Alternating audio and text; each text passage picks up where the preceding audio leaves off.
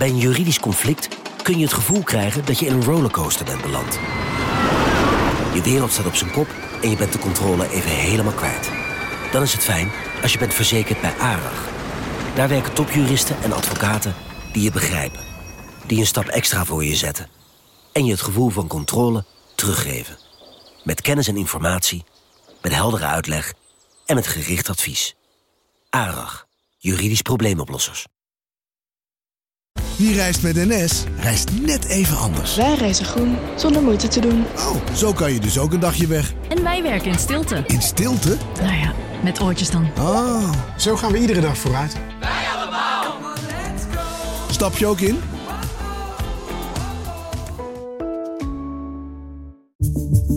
Vanaf de redactie van NRC het verhaal van vandaag. Mijn naam is Thomas Ruip.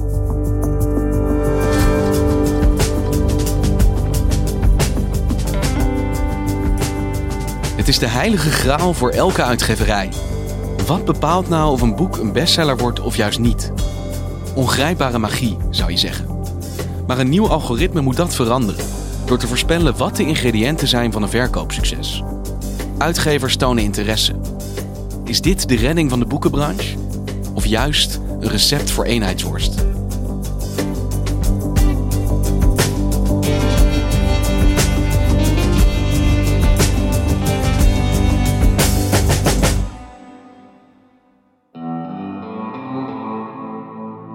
Een hulpsheriff met een verbanddoos gaf Virgil een prop watten om op zijn neus te drukken. Hij haalde zijn karabijn uit het bos en wees een van de hulpsheriffs de plek waar hij Slijps geweer kon vinden. Waar doet jou dit aan denken als je dit hoort? Ik krijg een beetje het gevoel van het wilde westen. Misschien een slaperig, stoffig stadje met hulpsheriffs, krakende leren handschoenen boven revolvers.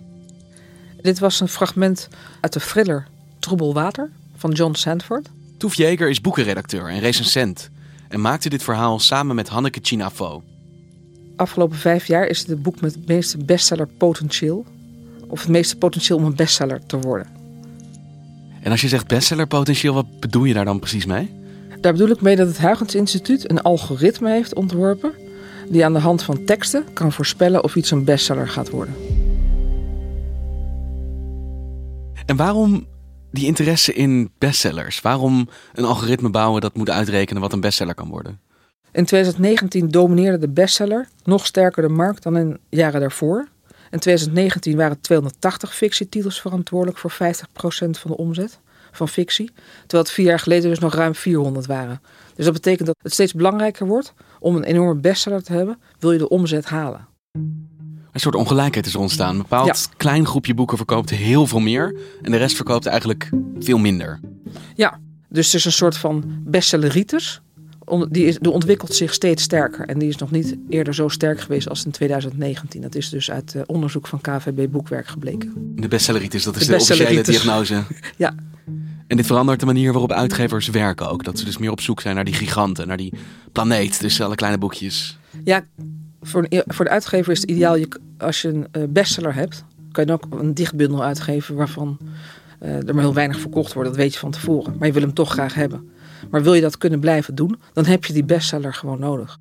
Zeker in de coronacrisis nu. Uitgeverijen draaien 20% minder omzet. Boekhandels die er open zijn, die doen een beroep op uitgevers om vooral de boeken uit te geven die commercieel makkelijk liggen.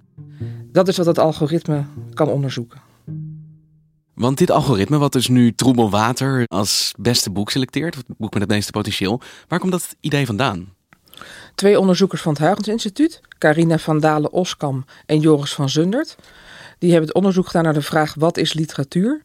En dat hebben ze samen gedaan met een uitgeefconcern WPG. En daar kwam eigenlijk de vraag uit, wat is goed verkopende literatuur? Vijf jaar geleden hebben ze het onderzoek voor het eerst gedaan. En toen voorspelden ze voor 78% goed wat een bestseller kon worden en wat ook een bestseller werd. Puur op basis van de tekst. Een Puur algoritme op basis kon een van het- tekst kennen en aflezen wat de kans is dat het een bestseller was. En dat Ja. klopte in de meeste gevallen dus ook. Ja, precies. In 78% van de gevallen klopt het. En wat zat er dan in die teksten dat de bestsellers kenmerkte? Je, je vindt politiechefs bijvoorbeeld, eh, dat is duidelijk een thriller aspect, neem ik aan. Eh, nog niet helemaal gecheckt, maar eh, ja, dan, dan schuift zo- zo'n zo'n boek omhoog. opvallend ook uh, familierelaties. Vaders doen het beter dan moeders. Het is niet dat als je over moeders schrijft dat je een non-seller hebt. Maar als je een vader hebt, heb je gewoon meer kans op een bestseller. Uh, ik wil niet zeggen moeders, zussen, dan zak je.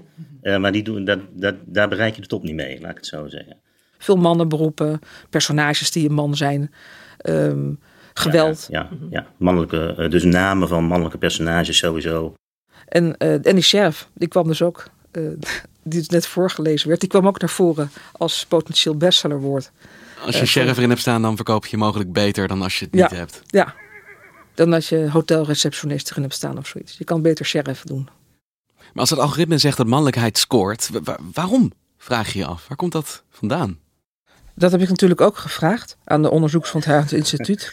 Ja, ik blijf erop terugkomen. It's a man's world.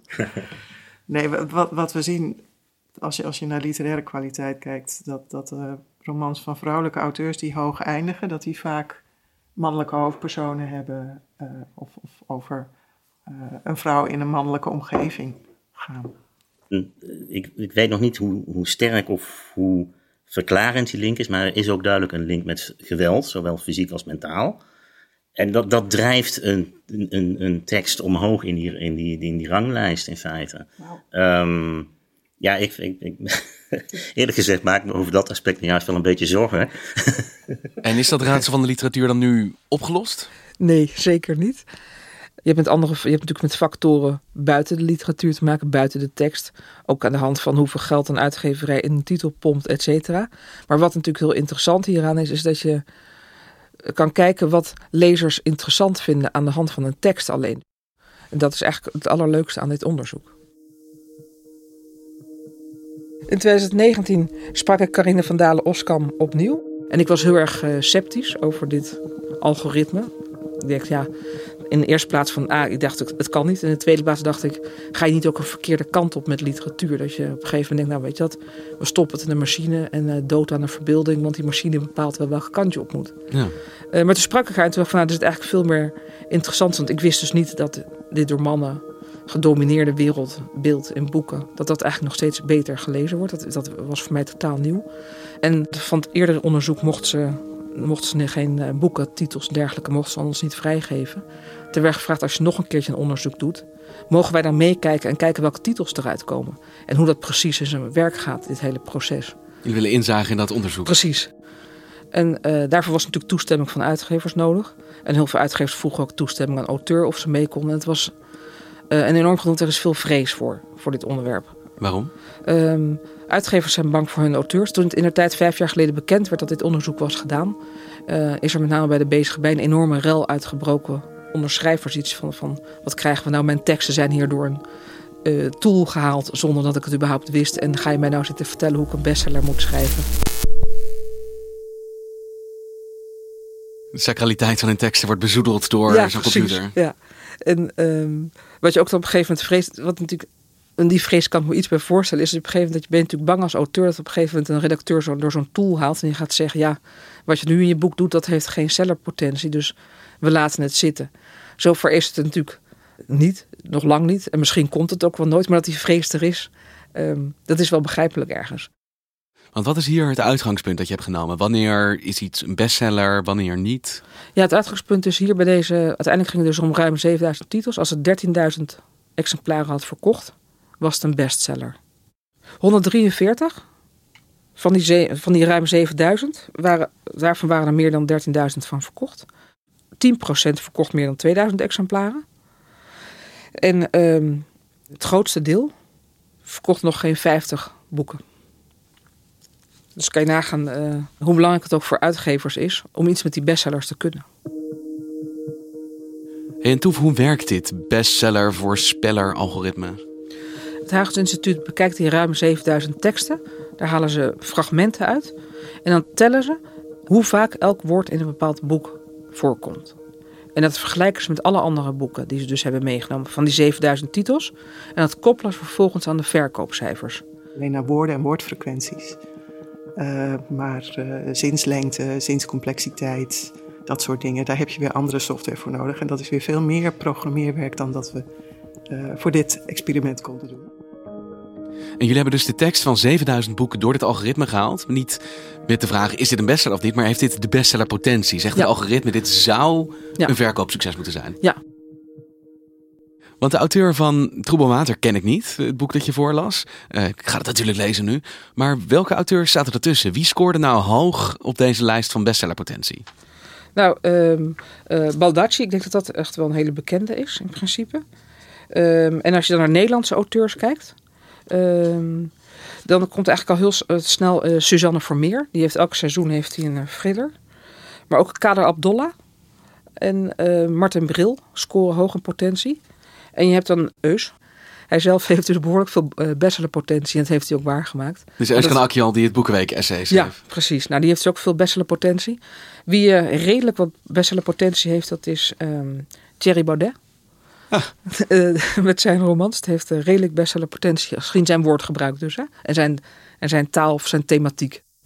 En als je deze titels dus allemaal met elkaar vergelijkt, dan komen nog steeds uh, seks, geweld, mannen, komen nog steeds naar boven drijven. Want, ja, het is, je, verwacht, je verwacht wat meer subtiliteit natuurlijk. Uh, maar het is toch echt allemaal masculien, masculien. En dat is tot nu nog steeds. Ja, zo op het eerste gezicht wel. Uh, maar ja, we willen daar nog wel, wel beter naar kijken. Het vervelende van deze methode is ook, ook wat van wat we nu hebben toegepast, uh, is dat het blijft allemaal op dat woordniveau uh, hangen. En het is heel moeilijk om de stap te maken naar het semantisch niveau, waarbij je zegt van hé, hey, we gaan nu echt naar de gecombineerde inhoud kijken en wat, wat onderscheidt een romantekst nou van een andere. Maar de grote vraag hier is denk ik, ik bedoel dat algoritme bepaalt wat die potentie vindt hebben, maar jullie weten hoeveel die boeken ook daadwerkelijk hebben verkocht. Dus zijn de boeken bovenaan die potentielijst ook daadwerkelijk bestsellers geworden? Niet allemaal. Troebel Water is niet een bestseller geworden. Dus het ligt niet aan mij dat ik dat niet ken? Nee, dat ligt niet aan jou. en Thierry Baudet, ik heb het idee dat die boeken niet per se een groot verkoopsucces waren? Nee, en ook als, uh, uh, zoals dat uh, niet zo aardig heet, een non-seller heet dat dan. Als de anti-bestseller? Anti-bestseller, ja. Het is niet een enorm verkoopsucces geweest. Dus dit algoritme toont aan dat er in principe meer bestsellerpotentie in zat dan het uiteindelijk is geworden. Maar klopt het algoritme nou wel als het boeken selecteert die eigenlijk in werkelijkheid niet verkocht hebben? Nou, in 78% van de gevallen klopt het. Maar wat het leukste is voor een uitgeverij, is niet alleen te kijken wat enorme bestsellerpotentie heeft, maar ook te kijken wat echt totaal afwijkt. Uh, want dan kan een, kan een algoritme kan er dus totaal geen chocola van maken wat het boek nou precies is. En um, dan heb je, kan het best dat iemand zo ontzettend afwijkt en echt met iets anders komt. Waardoor je dus een bestseller hebt. En dat is dus bijvoorbeeld vijf jaar geleden met E.L. James gebeurd. Bij het onderzoek van vijf jaar geleden kon het algoritme daar echt nul chocola van maken. Er zit geen bestsellerpotentie in. En nou, we weten allemaal hoe het met E.L. James de boek is afgelopen met haar 50 tinten uh, grijs. Ja, dat is het succes geweest van de afgelopen Precies. jaren, toch? En daar kan zo'n algoritme kan daar dan niks mee. Maar het is voor een uitgeverij interessant om daar naar te kijken. Want de lezers zien hier klaarblijkelijk iets anders in dan de computer in dit geval. Ja, precies. Maar de allergrootste uitzondering van dit moment is natuurlijk Lucinda Riley met haar serie over de zeven zussen. Als er ergens natuurlijk het gewoon draait om vrouwenlevens op dit moment, uh, dan is het wel de zeven zussen van Lucinda Riley. Want hier moet je me even helpen, want in de boekwinkel, ik zie ze overal liggen. Ik hoor mensen erover, maar ik weet eerlijk gezegd nog niet zo goed wat deze boeken nou precies zijn. Nou, de Zeven Zussen, dat is een serie. Geschreven voor een vader en die heeft allemaal eh, baby's geadopteerd, overal ter wereld. En op een gegeven moment sterft hij. En ze krijgen allemaal aan, in het eerste deel krijgen ze allemaal een soort van hint mee met waar hun roots liggen. Na die dood van die vader gaan ze allemaal op zoek met waar ze oorspronkelijk vandaan komen. Dus eentje komt in Australië terecht bij de Aboriginals, de andere komt in Spanje terecht bij de grotten. En het is een soort DNA onbekend. Dus je wordt eigenlijk al die delen wordt ook een soort van mysterie doorheen genomen, waardoor je dus ook al die delen door blijft lezen, omdat je toch wel weet hoe het uiteindelijk zit. Want hoe scoort dit mega succes Lucinda Riley dan volgens het algoritme? Volgens het algoritme spoorde het eerste deel scoorde het best. Uh, daar zit ook nog die vader in. Uh, dus dat zou dan verklaren waarom dat eerste deel een beetje goed scoort. En in die andere delen speelt hij niet zo'n hele grote rol meer, af en toe een heel klein beetje. Dus dat zou kunnen verklaren waarom het eerste deel de meeste bestsellerpotentie heeft en de rest eigenlijk afwijkt. Maar het algoritme zegt hierover: dit zou niet zo'n groot succes moeten zijn als het is. Ja, precies. En waarom is het dat dan wel? Want jij bent boekenrecensent. Zijn dit hele goede boeken? Ehm, nou, waarom dit heel goed verkoopt is denk ik, eh, er zit heel veel spanning in. Je wil, het, je wil alle delen, eh, als je het eenmaal het mysterie weet, wil je het graag lezen. Ja, en nu stoom je prachtig literair voorbij aan mijn eigenlijke vraag. Zijn dit goede boeken? Ja, ehm, ik vind van niet.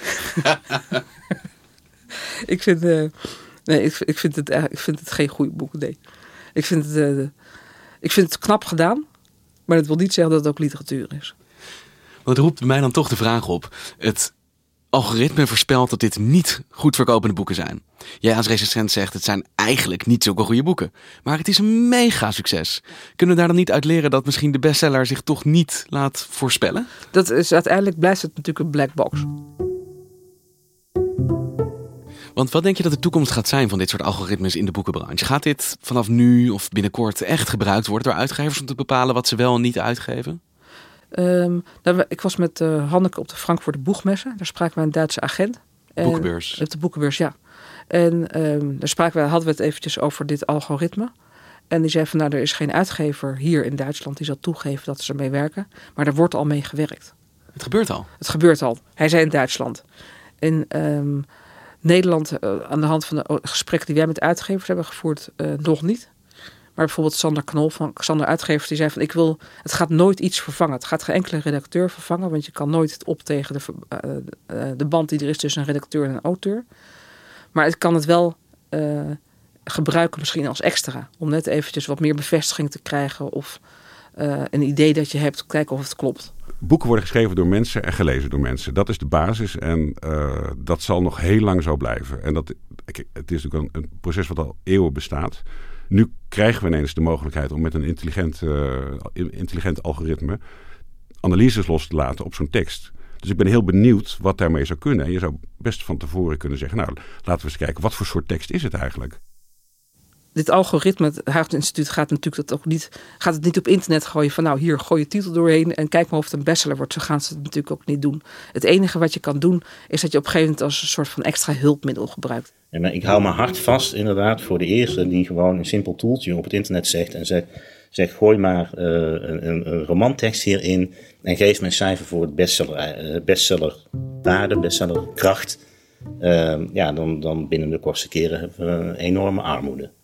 Hoe het slechtst gebruikt kan worden is dat je gaat besluiten dit is een non-seller dus we geven het niet meer uit. Maar de creativiteit verdwijnt natuurlijk helemaal uit het verhaal. Je krijgt één grote eenheidsworst.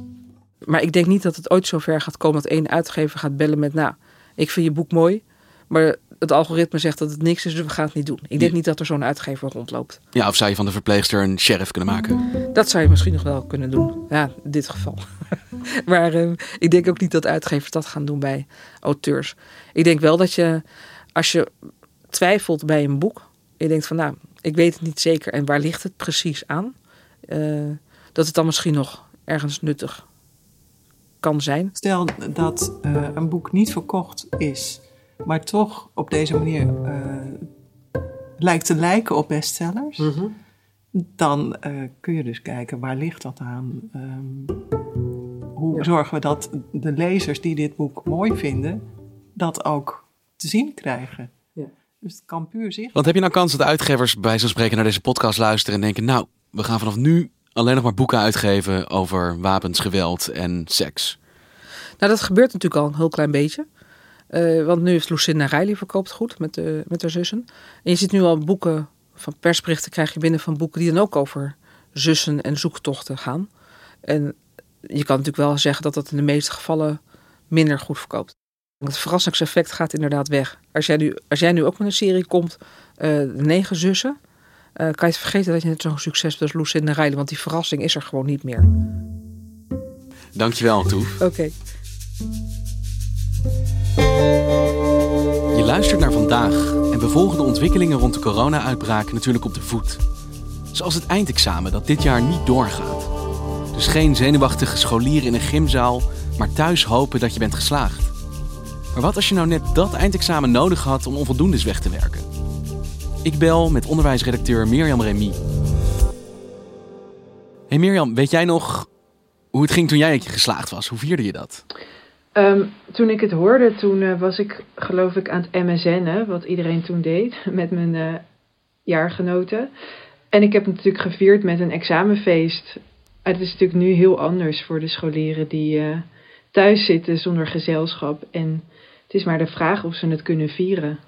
Want we hebben elkaar een keer gesproken in de podcast over hoe het nou moet met die eindexamens. Is daar inmiddels al meer over bekend? Gisteren is bekend geworden wat de zak-slaagregeling is. Dat zijn de regels die bepalen wanneer je slaagt of niet. En dit jaar uh, worden de eindcijfers dus volledig bepaald op basis van het schoolexamen, omdat er geen eindexamens zijn. Maar leerlingen krijgen wel extra kansen eigenlijk om hun cijfers op te halen. Dat betekent dat leerlingen voor twee of drie vakken een extra toets mogen maken als ze willen. En die toets telt voor 50% van hun eindcijfer. En mochten ze die toets verknallen of ze halen een lager cijfer dan ze al stonden, dan telt die niet mee. Een soort opkriktoets. Ja, een, een opkriktoets, ja. In deze coronacrisis, waardoor het schoolexamen dus zoveel belangrijker is geworden, gaat het nou zorgen voor meer of minder geslaagde leerlingen straks in Nederland? Dat is natuurlijk uiteindelijk de grote vraag. Maar ik denk dat uiteindelijk iets meer leerlingen slagen dan normaal gesproken. Um, normaal is dat zo'n 90%. En scholierenorganisatie LAX die heeft de afgelopen week een enquête uitgedaan onder 40.000 scholieren. En daaruit uh, bleek dat 92% zou slagen op basis van zijn huidige schoolexamenresultaten. Nou, dat ligt dus al iets hoger dan die 90%. En dan krijgen ze ook nog eens die uh, extra herkansingen erbij. Dus dan zou je kunnen denken dat, er, uh, ja, dat, dat het percentage iets hoger komt te liggen. Dus toch nog wel wat blije leerlingen straks? Ik hoop het voor ze. Um, er is ook afgesproken gisteren dat er, ondanks dat ze dan niet worden gebeld met een telefoontje of uh, nou ja, dat ze überhaupt geen eindexamen maken, er komt toch een soort nationaal feestmoment 4 juni, waarop ze allemaal de vlag mogen uithangen als ze geslaagd zijn dan, met, uh, met een schooltas eraan. Ja, en verder zat jij destijds ook op MSN, dus misschien is er ook niet zoveel veranderd. Nee, precies. ook ik zat al achter de computer, ja. Dankjewel Mirjam. Dankjewel Thomas. We leven in hectische tijden. Je kunt rekenen op NRC voor betrouwbare informatie, nieuws, duiding en analyse. En we kunnen dat alleen blijven doen dankzij onze abonnees. Dankzij jullie. Heb je nog geen abonnement? Kijk dan voor een aanbieding op nrc.nl slash podcastabonnement. Dankjewel. Dit was vandaag maandag weer.